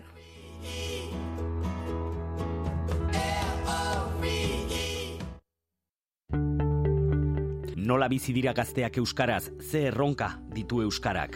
Ametsaranguren ibilbedi musika taldeko abeslaria Begoña Garaiko etxea gaztealdiko partaidea maitane jungitu geimerra eta unai dufur osasuna futbol taldeko jokalaria elkartuko ditugu galdera horiei erantzuteko. Berrogeita mar urte aurrerago, euskaraz bizitzeko autua solasaldia, martxoaren hogeita maikan arratsaldeko seiterdietan, iruñeko katakrak liburu dendan, zatoz.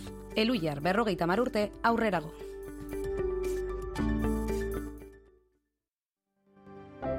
Gero eta gertuago gaude rural kutxan. Garrantzitsua da elkarrekin azten eta aurrera egiten jarraitzea. Amets egiteari ez uzteko, betikoak izaten jarraitzen dugu. Horregatik, gertu egotea gustatzen zaigu. Beti. Zure enpresa digitalki eraldatu behar baduzu telelanera edo lau puntu zero industriara egokitzeko Javiserren lagundu zaitzakego. Zure sistema informatikoa mantentzen dugu. Neurrira egindako aplikazioak eta web horriak garatzen ditugu. Lantaldeak prestatzen ditugu ikate tresnak eta aplikazioak erabiltzeko. Javiser, bederatzi lau zortzi, zortzi bost zero, bat lau bost. Zehaztu dezagun nola lagundu zaitzakegun.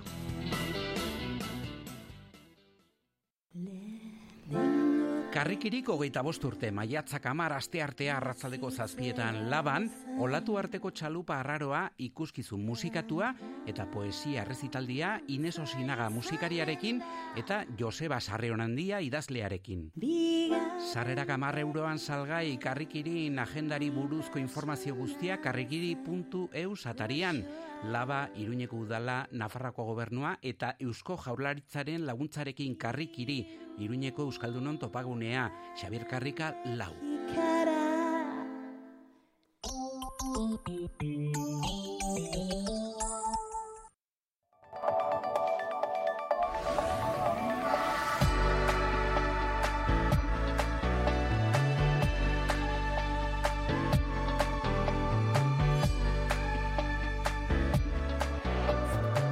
Eta osasunaren inguruan e, izketan jarraituko dugu gure irrintzi plaza saio honetan. Asteburu honetan, e, bihar eta etzi hemen e, iruñerrian e, ospatuko baitira, e, hogeita maikagarren osasun jardunaldiak. Horre ba, antolaketa lanetan osasungoa euskalduntzeko erakundeko kideak dabiltza, haiek ba, osasun alorreko langileak dira, eta hoien artean e, ba, irune tubia medikua. Arratsaldeon irune zer moduz? Ez dakiten zuten digun, bai? Ez? Ez digua ditzen, e, beraz, saiatuko gara berreskuratzen seinalea.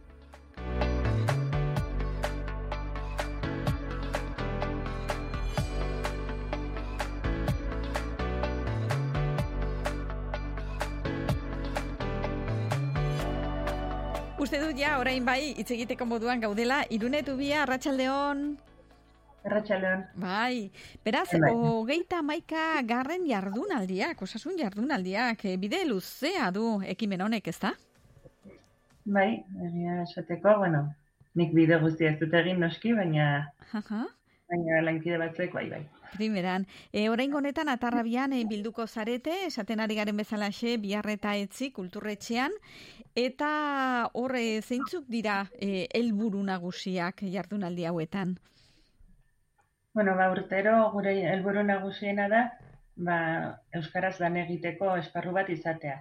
Orduan izaten da elkar puntu bat, pues, eh, guztiek urte horretan egindako lanak eta partekatzeko, urtero gai bat hautatzen dugu eta gai horren inguruan e- aritzen gara, baina gero ere, ba, jendeak aurkezten alditu lanak beste ikerketa batzuei buruz, edo eta orduan, bueno, pues da osasun gintzako langileok euskaraz dugun halako, bueno, pues, tartetxo bat.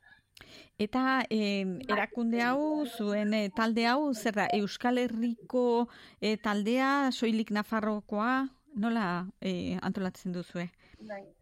Euskal Herri osokoa da eta gero lurraldeka antolatua da.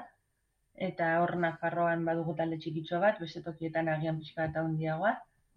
Eta holaxe, e, gero e, jardunaldiak egiten ditugu urte bakoitzean e, ta, talde txiki horietako batek e, antolatzen du. Orduan normalki orain arte iparraldean ez dira egin, ze duela gutxi sortu zen hango taldea, eta besteek ba, egiten dugu gure zonaldekoa tokatzen zegoela. Mhm. E, irune, eta nola ikusten duzu, e, Nafarroako e, osasungintzaren e, osasuna hain zuzen ere euskerari doakionez, e, gauza jakina da, noski, ba ez dutela euskera e, eskatzen hainbat eta hainbat postutarako, ad, e, administraziotik ez da e, baldintza hori e, eskatzen, eta noski ba hori dela eta gaur egun osasun alorrean lanean ari zareten e, ba, Euskaldunak e, nahiko gutxi zarete ez da, e, gizarteak beharko lukena baino askoz gutxiago. Bai, alde batetik ez digute eskatzen, edo, bueno, gehienetan ez, oso postu gutxietan eskatzen dute, eta gero ere gure artean ere ez dugu elkar ezagutzen ze laneko giroa gehien eta nerberaz izaten da, nire kasuan ez Elizondon nagoelako, baina Iruñan gehienetan bai. Eta orduan, ba, askotan, ba, baten, ohartzen zara, zurekin ezakitzen bat urtez lanean egon den hori ere Euskalduna dela. Orduan, or, alde hortatik, alde batetik ez dute eskatzen, eta bestetik ere daudenak ikusarazteko um, osasun bideak ez du deus egiten. Dena, ba, gure borondatez, da bakoitzak hobekien e, uste duen moduan egin dezake, baina ba, hor bai falta dela. Azken aldian egon dira mugimendu batzuk, egin zuten inkesta bat jakituko zen bat Euskaldun ginen lanean, zen ez eta ez eskatu, ba, erberazko lanpostuetan ere ba, gaude Euskaldunak. Eta, eta bueno, hasi dira pixka bat mugitzen, baina politi gauza guztiak bezala. Bai, eta garrantzitsua da, noski, ba, e, euskeraz hitz egitea e, zuen postuetan, esate bateako, zuke Elizondon, e, noski, erabiliko duzu euskera, egunero, ez da? Bai, bai, bai lankideekin eta bai ba, konsultara etortzen den jendearekin. Bai, eta azkenean, Nafarroako dozein tokitan, ba, etortzen denak, nik uste dut merezi duela, bera izatea hizkuntza hautatzen duena. Orduan guk ba, hemengo bi hizkuntzak jakin beharko genituzke, eta modu horretan, ba, etortzen denak hautatuko du zeinetan egoten den erosoen, ze agian biak badakizki, baina batean bestean baino erosoago dago. Eta zertan laguntzen du e, euskara zaritzeak, e, hola, konplizitate e, gehiago, konfiantza gehiago e, sortzen da e, pazientiarekiko? Ba, bai askotan, bai. Ba, nik askotan ikusten dut etxean e, txikiak oraindik euskaldun, euskaldunak dira, elebakarrak oraindik txikiak dira. Eta nabaritu izan dut, noiz bai tokatu zaidanean ama bezala joatea, ba, ez dela gauza bera haien hizkuntzan egitea edo erdipurdi dakiten batean. Horixe, aurren kasuan, e, pertsona helduen kasuan, eta, bueno, jende, jende guziaren kasuan, ez da erosoago gaude, ba, guk hautatzen al badugu bai, noski, izkuntza. Kontua da, pazientak hautatu dezala, ez? E, izan daiteke bietan ongi aritzea, ni bietan, badak, bietan badakit, beste lezingo nuke hor lan egin, baina, bueno, ba, nire, nire medikoarekin euskaraz egiten dut. Primeran.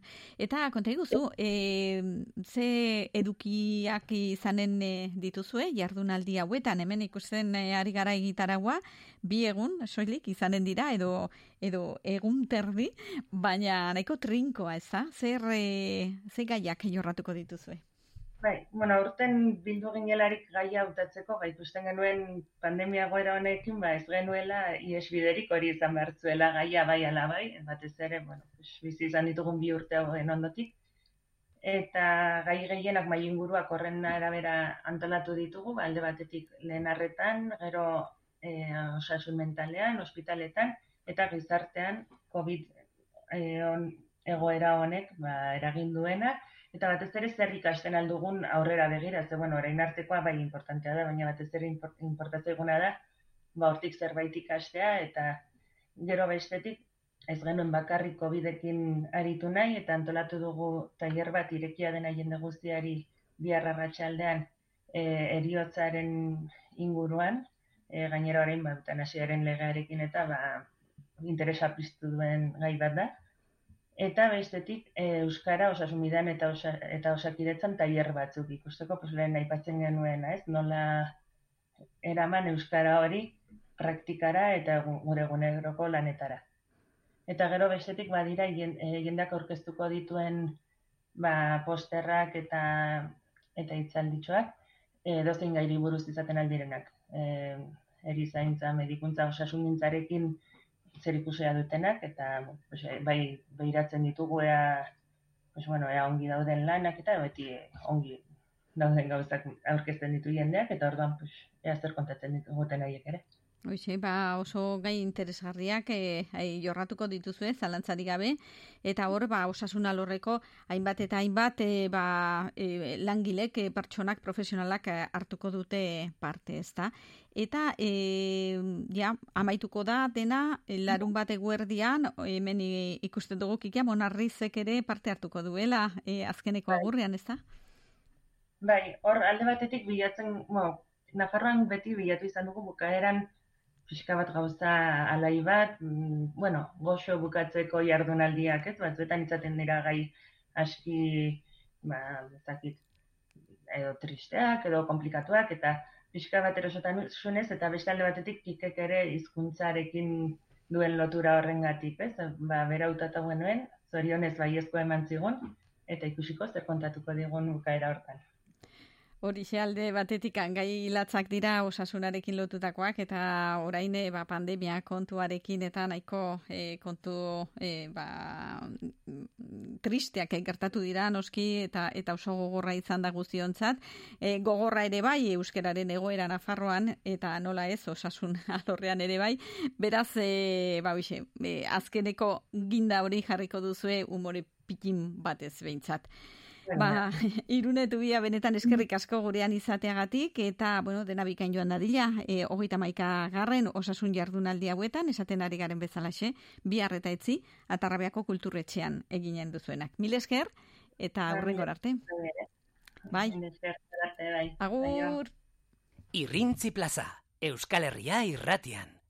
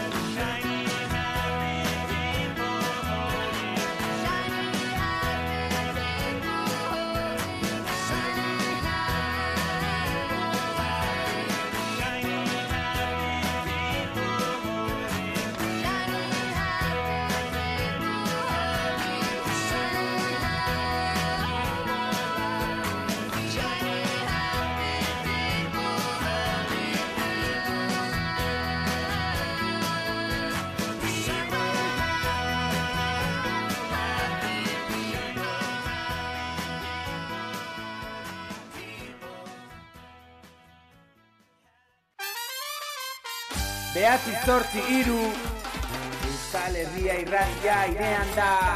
Broken Brothers ibai ertzean. Ba, ba ba ba bai ba. Hogeita maikatik mundura. Hogeita maikatik mundura.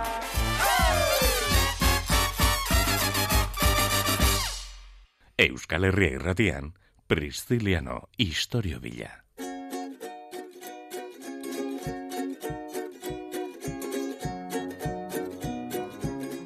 Jarraitzen dugu irrintzi plazan eta osteguna da eta bakizue tarteka ostegunak asko zobeak e, izaten direla Pristiliano etortzen zaigulako bisitan.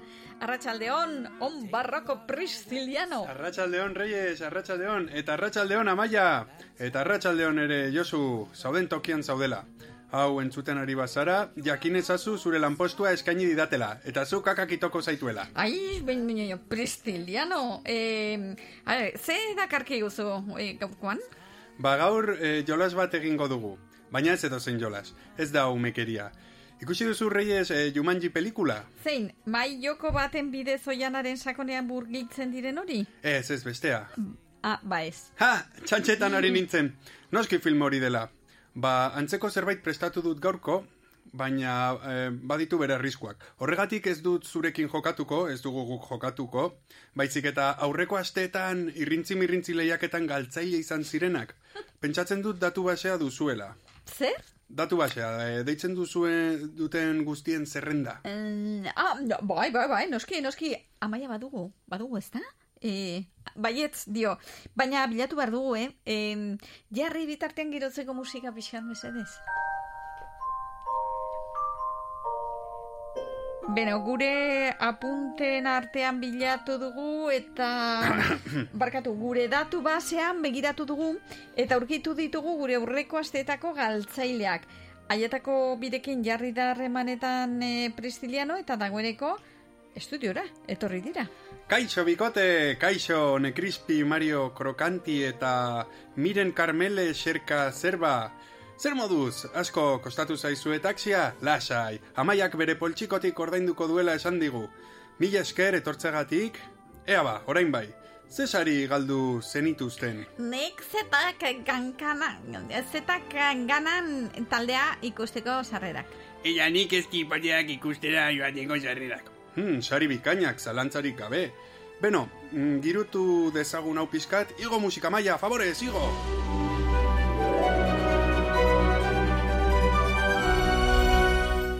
Beno, voluntario etorri zarete joko honetara, egin beharko duzuena oso simplea da. Dadoak bota eta egokitzen zaizuen proba egin. Horren erraza? Bai, horren erraza. Zergatik ez zara zu hasten miren Carmele? Eta datua? Imaginatu behar duzu, baina, baina kontuz. Segun eta zein zenbaki atera, tamalgarria izan liteke. Mm, iru atera dut. Bai, hiru atera duzu, nik ere dakusat, hiru, eh? Ara, miren Carmele desagertu da. Ez! Hemenago! Enazo ikusten? Arrara da, pantalla baten bestaldean bezala ikusten zaituztet. Non zaude lagun? Taberna bat da, estua eta sakona, eta nire inguruan soilik gaztelaniaz hitz egiten da, itxun pixka bat. Gizonek alkondarak dituzte, eta jertseak. Oh, eta txaldekoa. Ez! Laguntza! Laguntza! La boteria tabernan nago! Uf, la boteria erori zara zaila izango duzu hortik ateratzeko. Taberna hori rintzi plazaren antitesia da. Entzuten gaituzu, miren Carmele? Bai! Baina euskeraz hitz egiten jarraitzen badut botako naute. Entzun arretaz, mesedez. E, la boteria aurkitu diru sari ez duen loteria. Diru sari ez duen loteria? Eta bitartean goazen gure bigarren lehiakidearekin, Mario Crispi, Crispi Mario... Honek eh, ez tipoten erakusketa ikusteko sarrerak galdu zituen. Kaixo, Crispi Mario, dadoa botatzeko prest? Eh, bai, bai, eh, lau atena dut. Lau, uh, zoritxarraren zenbakia, lau, lau, sardina bakalau. Eh, hemen ez dago itxasorik, eh, ez arrandegirik, ez arraio zainik. Eh, non zaude? Ba, Ez dakit, dena oso ilun dago, nilun egi, ez da inoren zuten, ez da zer ikusten. Soik musika bat, em, pampi entzuten dut, eta zurekin izketan ari da, reyes. Hau da zure bidia, berriozarko ekia. Lagundu, lagundu, etengabiari da kantatzen, zer egin behar dut? Zuk eh, normalean aragirik merke eta hormonatuena hartzen duzu, ezta? Eta jaki guztiak plastikoan bilduta pensatzen dut. Eh, noski, zer nahi duzu, eh? plastikoa da etorkizuna. Ah, geroz eta ozenago ari da nire buruan kantatzen. Lagundu! Mm, uste dut ustiategi txikietako aragia bilatu behar duzula, aldela ekologikoa. Eta posible baduzu, ontzi ber erabilgarriren bat eraman. Uf, Reyes, eh, zerroio txarra joko hau, ez? Bai, bai. Bueno, mm, susmo txarrak entzeko, eh, imagina dezagun gaurko programa hasiera ez dela horrelakoa izan, bale? Erki, amaia favorez jarri Priscilianoren txokoaren kanta. Let me meet your mother for your father won't understand why it's Osteguna da, eta badakizue, tarteka ostegunak asko zobeak izaten direla Prisciliano etartzen zaigulako bisitan. Arratxaldeon, on barroko Prisciliano.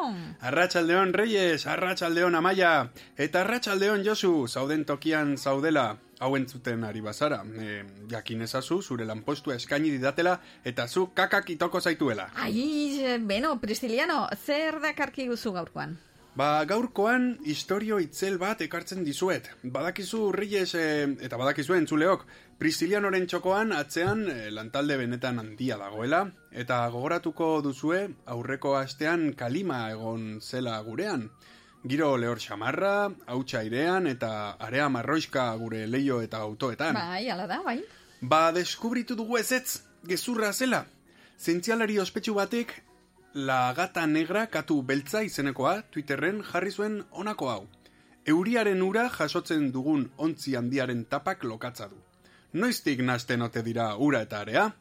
Hau ez da area. Eta horregatik ebatzi duzue kalima ez zela kalima, ez da?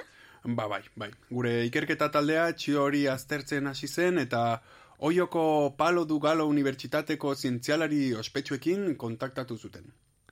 Hauek guk bidalitako lagina aztertu zuten eta argi ikusi zuten Etzen, etzelarea. Ba, zehazki, etzen edozein are mota. E, badakizu area modu askotan sortu daitekeela, igaduraren gatik, e, talken ondorioz birrintzen delako, eta abar luze bat. Ba, beno, hau area mota konkretu batzen, hautsa area. Ze interesgarria. Eta nondik etorri zitzaigun? Martetik? Ba, ez, ez, ez, mm, gure Palo Dugalo Unibertsitateko zientzialarietako batek esaten zuen hautsa baizela, baina area ez, bere ustez kakao hautsa zen. Antza denez, subizako lantegiko erreaktore baten behar baino kakao kargo, karga gehiago jarri zuten, e, horrek erreaktorearen gain beroketa ekarri zuen, eta pum! Estanda egin zuen fabrikak. Orduan txokolate hautsa iruñerria osoan zehar edatu zen, eta... Eta Beatrizko eh, garrotetxoak sortu zituzten? Ba, i- ia, ia, baina ez, urrengo eguneta, egunetako eurearekin kakao hautsa desegin eta desagertu zen. Esan duzu hori zela lehendabiziko teoria. Hm? Eta bigarrena? Ba, bigarrenak dio, atmosferan eta litosferan gertatzen diren zenbait gertakari geofisikoren ondorioz, nunbaiten area hautsa nolabait lurrundu eta odeiekin nahasi zela. Hori guztia bultzatu zuen ego haizeak eta gurera ekarri ba, temperatura hotzen ondorioz nolabait prezipitatu ziren gurean baina haizearen eraginez ez zuten erabat lurrik hartu. E, beraz, beste zientzialari ospetsuren ustez, aurreko asteko kalima, kalima zen. Hori da, Saharako area txundituta geratu zara, eh? Baina, etzen nion eh, katu beltzak eh, arrazoia zuela eta eta area etzela? Esan dut hori ikertu genuela. Eta beno, palo dugaloko zientzialarietako baten ustez, em, area ez zen. Ja, baina mm, bestearen ustez, bai, e, eta hori fidagarriagoa zen, ez? Bai, e, hori egia da.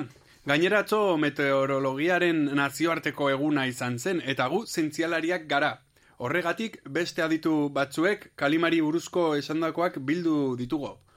Irudi honekin batera, mometek zioen, boen onartutako lur geoingeniaritza, hau da kalima deitzen dutena, eta denak hautsa honekin itotzen eta gure kontra bidaltzen ari diren metal astun guztiekin, ba, eta, eta beste batek zioen, e, ea Saharakoa izan da nolatan zen posible lendabizi Valentzian agertzea eta gero hegoalderantz joatea. Benetan adituak, bai? Bai, bai, bai, bai, bai. Eta kalima, kalima ez balitz? Eta irrintzi plaza benetan helburu geoestrategikoaren sortutako trikimailua balitz? Aizu, Pristiliano, eta gure gonbidatuak? Ba, ba ez dakit, eh, ziur ongi daudela. Barroko Pristiliano naiz eta ziur egon. Ziur egon historia hau erreala dela. Take you out, I'll walk beside you. Don't you think it's a crying shame that we can't do this every single day?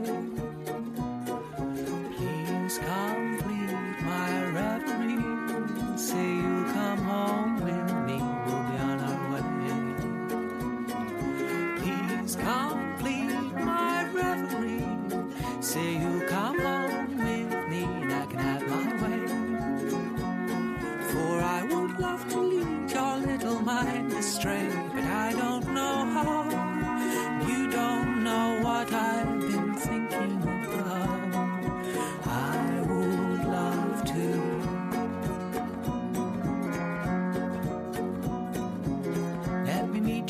mother, for your father won't understand why his daughter is going crazy for such a skinny man. Let me meet your mother, dear. I'll take her by the hand. I'm sure she'll want to know all the things we have planned. I would love to lead your little mind astray,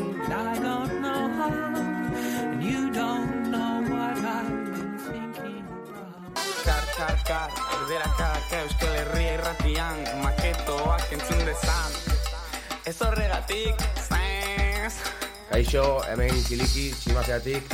Eh, bazkietu Euskal Herria irratia. FM... Ah, em, ah, mira. Eh, 2022 ekialdearen da.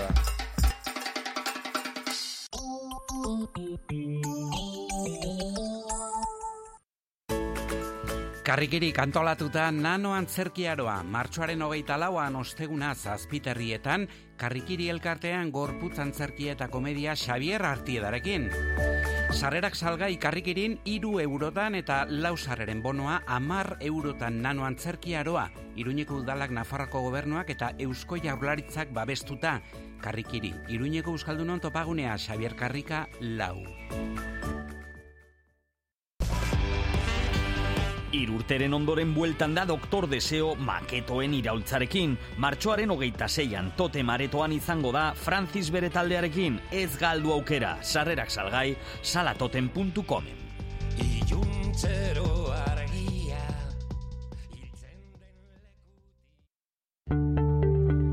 Nola bizi dira gazteak euskaraz, ze erronka ditu euskarak. Ametsaranguren ibilbedi musika taldeko abeslaria Begoña Garaiko etxea gaztealdiko partaidea maitane jungitu geimerra eta unai dufur osasuna futbol taldeko jokalaria elkartuko ditugu galdera horiei erantzuteko. Berrogeita mar urte aurrerago, euskaraz bizitzeko autua solasaldia, martxoaren hogeita maikan arratsaldeko seiterdietan, iruñeko katakrak liburu dendan, zatoz.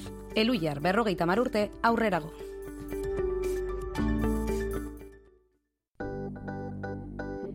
Emakume sortzailea zara eta nomada izan nahi duzu? Nomada gaitun, dinaguren azoka ibiltaria iruñeko geltokira iritsiko da apirilaren hogeita marrean larun batarekin. Parte hartzeko aurre inskripzio horria bete behar da martxoaren hogeita zazpia baino lehen, karrikiri, laba edo dinaguren sare sozialetan edo webguneetan. Parte hartu eta izan nomada.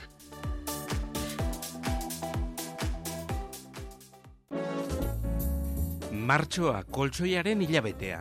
Aprobetxatu koltsoneria gorritxoren eskaintza.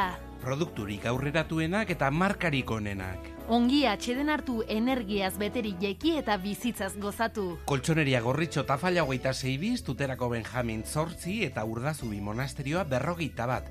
Koltsoneria gorritxo. Bizi atxedena. Colchonería gorrito vive el descanso.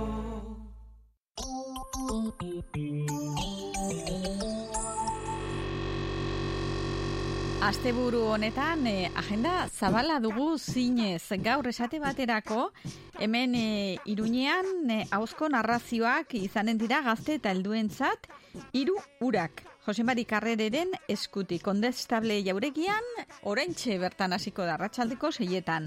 Zazpietan e, aldiz, e, bertxori Joanes e, Ilarregi, Imanol Ziluaga, Ekinezapien eta Liberrenteria, Pello Ardaiz eta Aizea Arana, Monton Tabernan, zazpietan. Eta zazpiterdietan gorputz antzerkia eta komedia, Xavier Artidaren eskutik karrikirin. Eta biarrostiralean e, batez ere ikusten e, ditugu ba, korrikarekin lotutako ekitaldiak. Horra maiurri kastolan esate baterako korrika festa izanen dute arratsaldean edota alde zarrean ere, ba, korrika txikia, e, sandu zelain, korrika festa eta simulakroa, gauza bera hemen Donibane auzoan hemen gainera ba, gero e, afaria izanen da Donibane peñan eta kontu gehiago korrika kulturalaren barrenean zazpiterdietan minutu bateko eleak jokin irigoien zenaren omenez berriozarko zulualai elkartean bihar arratsaldeko zazpiterdietan eta iluntzean triki bertso po, pintxo poteoa Oier lakuntza eta Mikel Asarterekin mendilorriko antzaratik e, hori korrika kulturalaren barnean ere bai. Eta gauza gehiago eta eta gehiago bihar filma eta solasaldia soinu jolearen semea zazpietan golem jamagutxin. E, liburu baten aurkezpena eta kantaldia zuberotik etorriko dira Michel Etxekopar eta Galtxetaburu eta hoiek zaldiko maldikon zazpiterdietan izanen dira.